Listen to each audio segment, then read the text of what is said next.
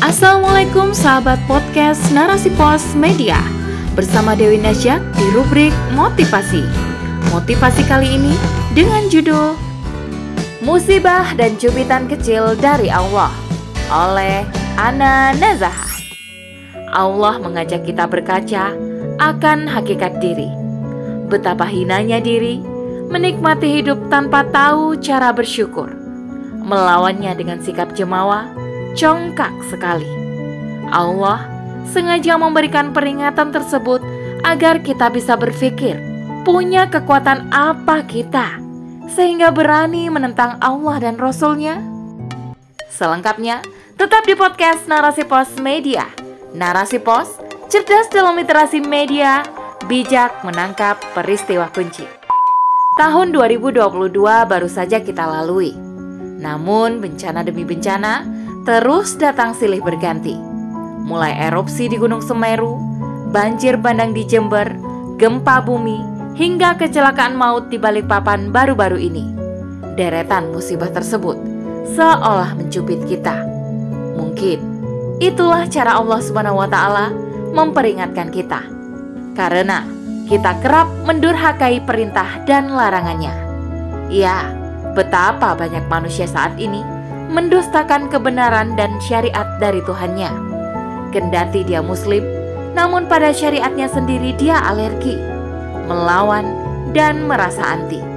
Keimanan tersungkur di bawah sikap takabur dan kepongahan hati. Melawan perintah Rob dengan begitu percaya diri. Lihatlah bagaimana Islamofobia begitu mengakar tertanam dalam benak umat. Simbol-simbol Islam dituduh lambang terorisme. Beberapa pesantren tempat mendidik generasi yang beriman dan bervisi robbani dicurigai sarang teroris.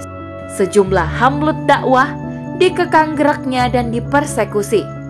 Tidakkah ini terkategori sikap durhaka? Mencurigai ajaran Islam yang mulia?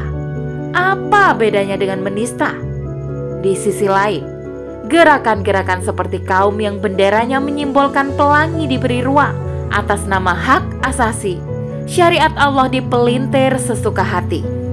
Kebijakan demi kebijakan pun tak kurang zalimnya. Utang membengkak, pajak kian meninggi, kemiskinan menjerat, sementara harta kekayaan milik rakyat dibiarkan diprivatisasi atas dalih investasi demi mendongkrak kemajuan ekonomi. Jelas, ini adalah bentuk kedurhakaan lain yang mampu mengundang azab atas jemaah. Tak salah jika Allah akhirnya murka dengan mendatangkan berbagai bencana. Bencana itu ada yang datang untuk menguji mereka yang bertakwa, untuk menaikkan derajat mereka atas kesabarannya. Sebagaimana Rasulullah pernah bersabda, Tidaklah seorang mukmin terkena duri dan lebih dari itu, melainkan Allah akan mengangkat derajat dengannya atau dihapuskan kesalahannya dengannya.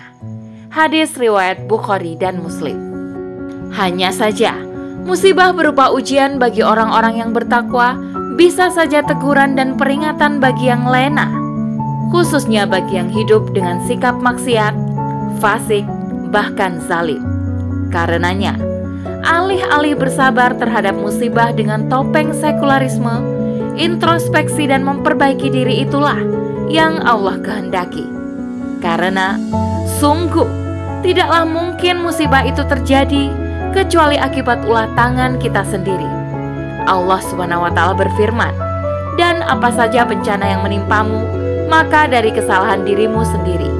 Quran surah An-Nisa ayat 79 perlu dicamkan. Ada banyak tindakan kita, baik pribadi maupun berjamaah yang tergolong melawannya. Banyak sekali. Sehingga wajar Allah datangkan berbagai musibah untuk menegur manusia yang amat melampaui batas. Allah mengajak kita berkaca akan hakikat diri. Betapa hinanya diri menikmati hidup tanpa tahu cara bersyukur. Melawannya dengan sikap jemawa congkak sekali.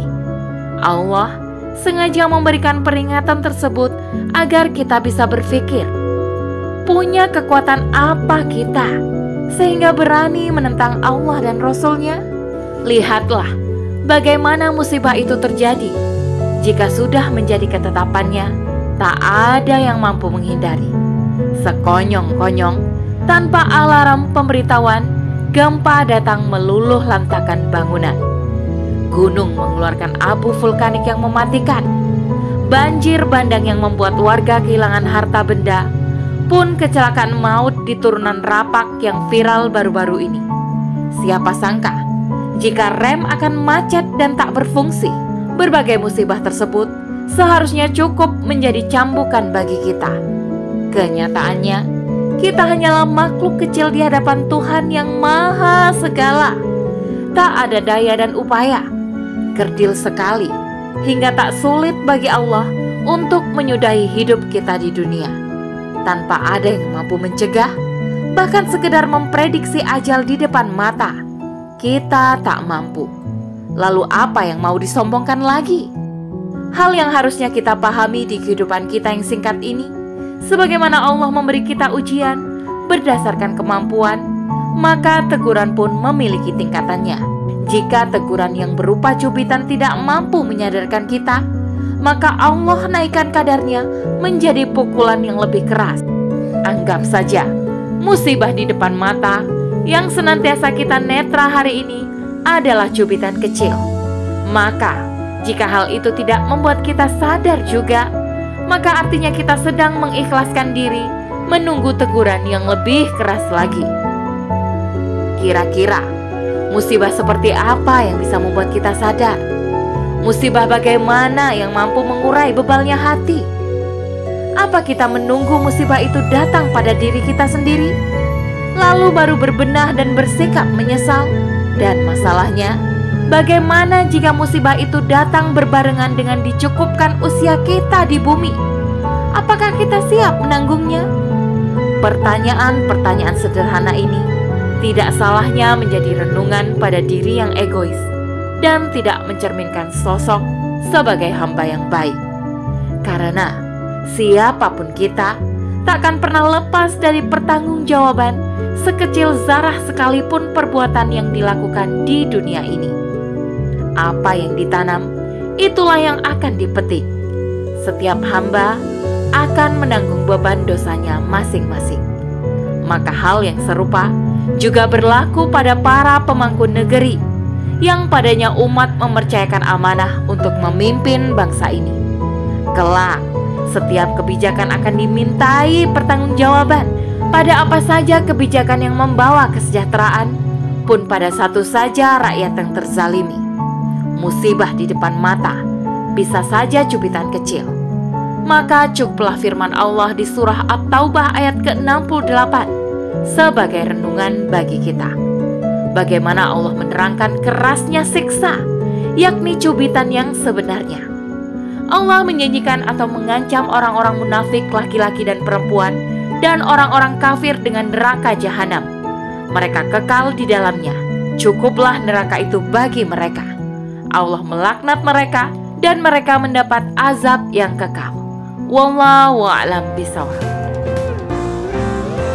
Demikian rubrik motivasi kali ini. Sampai bertemu di rubrik motivasi selanjutnya. Saya Dewi Najak undur diri. Assalamualaikum warahmatullahi wabarakatuh.